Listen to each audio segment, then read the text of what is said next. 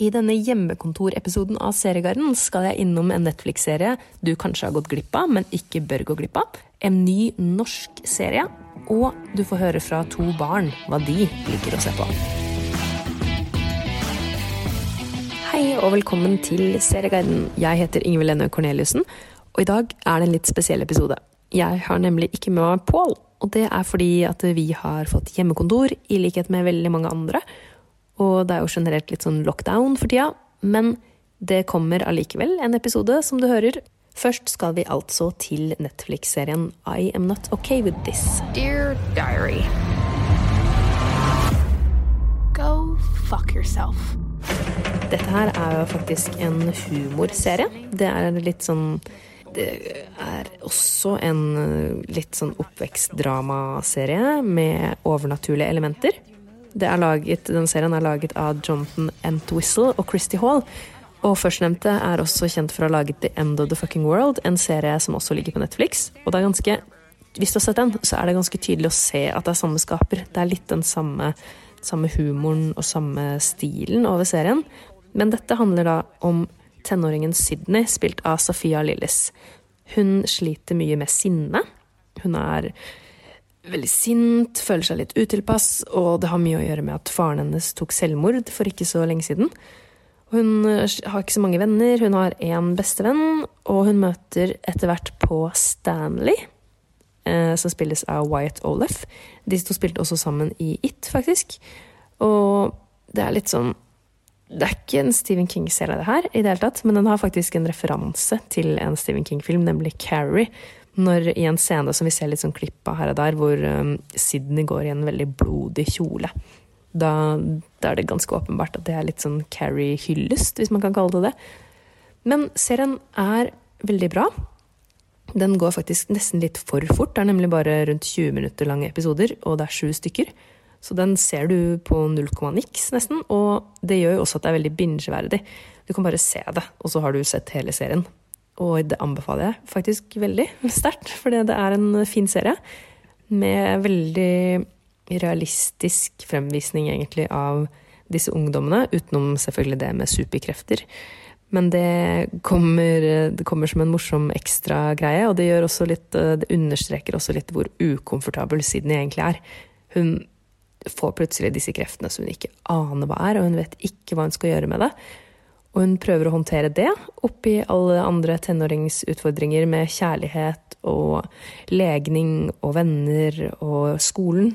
Alt, alt, er egentlig litt vanskelig, og det funker veldig bra. Og skuespillerne er jo ekstremt dyktige. Det er veldig eh, Sofia Lillis, som spiller Sydney, klarer å fremstille denne karakteren veldig troverdig. Og man tror på at hun er skikkelig keitete, og at hun er usikker på hva hun skal gjøre, og at hun rett og slett har blitt bombardert med disse rare tingene som begynner å skje rundt henne. Den anbefales absolutt og ligger hele sesongen på Netflix. Men når man er litt sånn hjemme, som man kanskje kommer til å være i tiden fremover, så er det jo ikke bare vi voksne som liker å se på ting. Og jeg spurte barna mine på fire og et halvt og snart to år hva de liker best å se på. Jeg fikk for så vidt mest svar fra hun på fire og et halvt, men vi kan jo høre på det. Hei, Lana. Kan du si først hvor gammel du er? Jeg er fire år. Ja, Fire og et halvt? Mm. Men du, hva liker du best å se på barne-TV?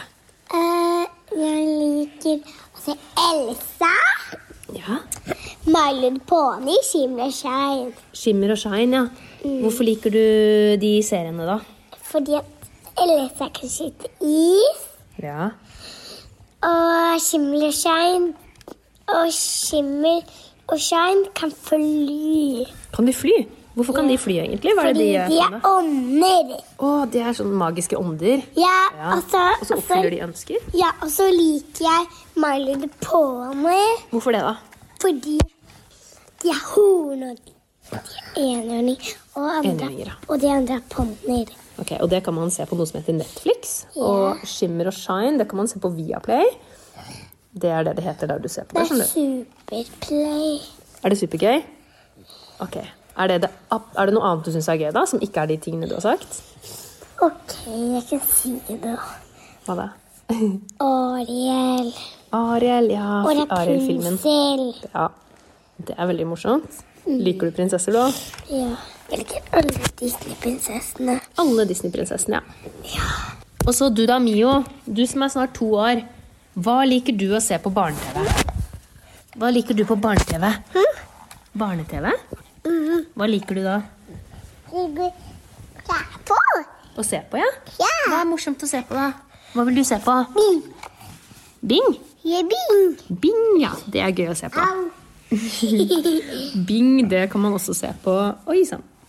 På forskjellige steder. Er feil. På SF Kids, i hvert fall. Falt du ned, ja. Men du liker å se på Bing. Hva annet vil du se på, da? Aha.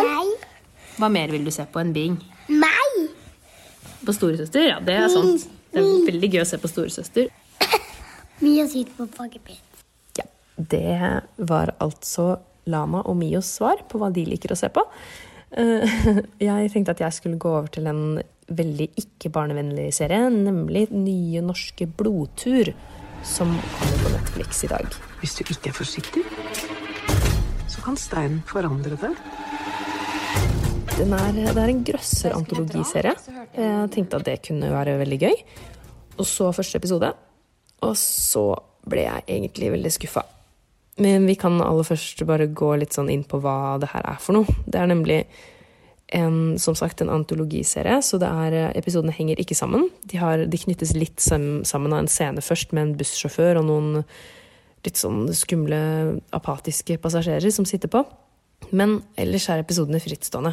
Jeg så første og har rett og slett ikke rukket å se noe mer, så det blir en litt sånn Det blir ikke en veldig komplett anmeldelse, men jeg har bare lyst til å si at jeg ble veldig skuffa av første episode. Den var litt, litt morsomt innimellom, men det var veldig sånn Det var veldig forutsigbart hele tiden. Og det var en twist på slutten, men den var også veldig Den var veldig enkel. Jeg, følte, jeg fikk litt sånn flashback til de Grøsserne-bøkene som var veldig populære da jeg, da jeg var liten.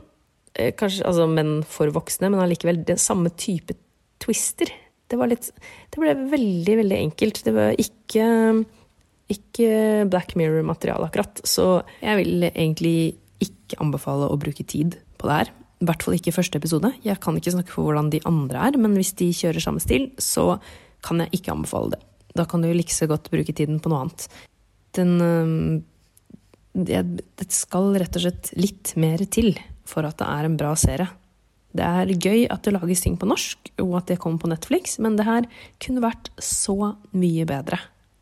Det tror jeg rett og slett var det jeg hadde for i dag. Jeg håper at du har holdt ut med at lyden er litt dårlig, og at det ble en kort episode. Men vi kommer tilbake, så bare følg med videre. Du kan gjerne gå inn på Facebook og anbefale oss serier vi burde snakke om.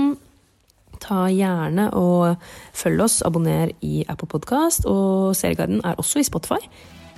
Vi snakkes veldig snart, og da er helt sikkert Pål også med.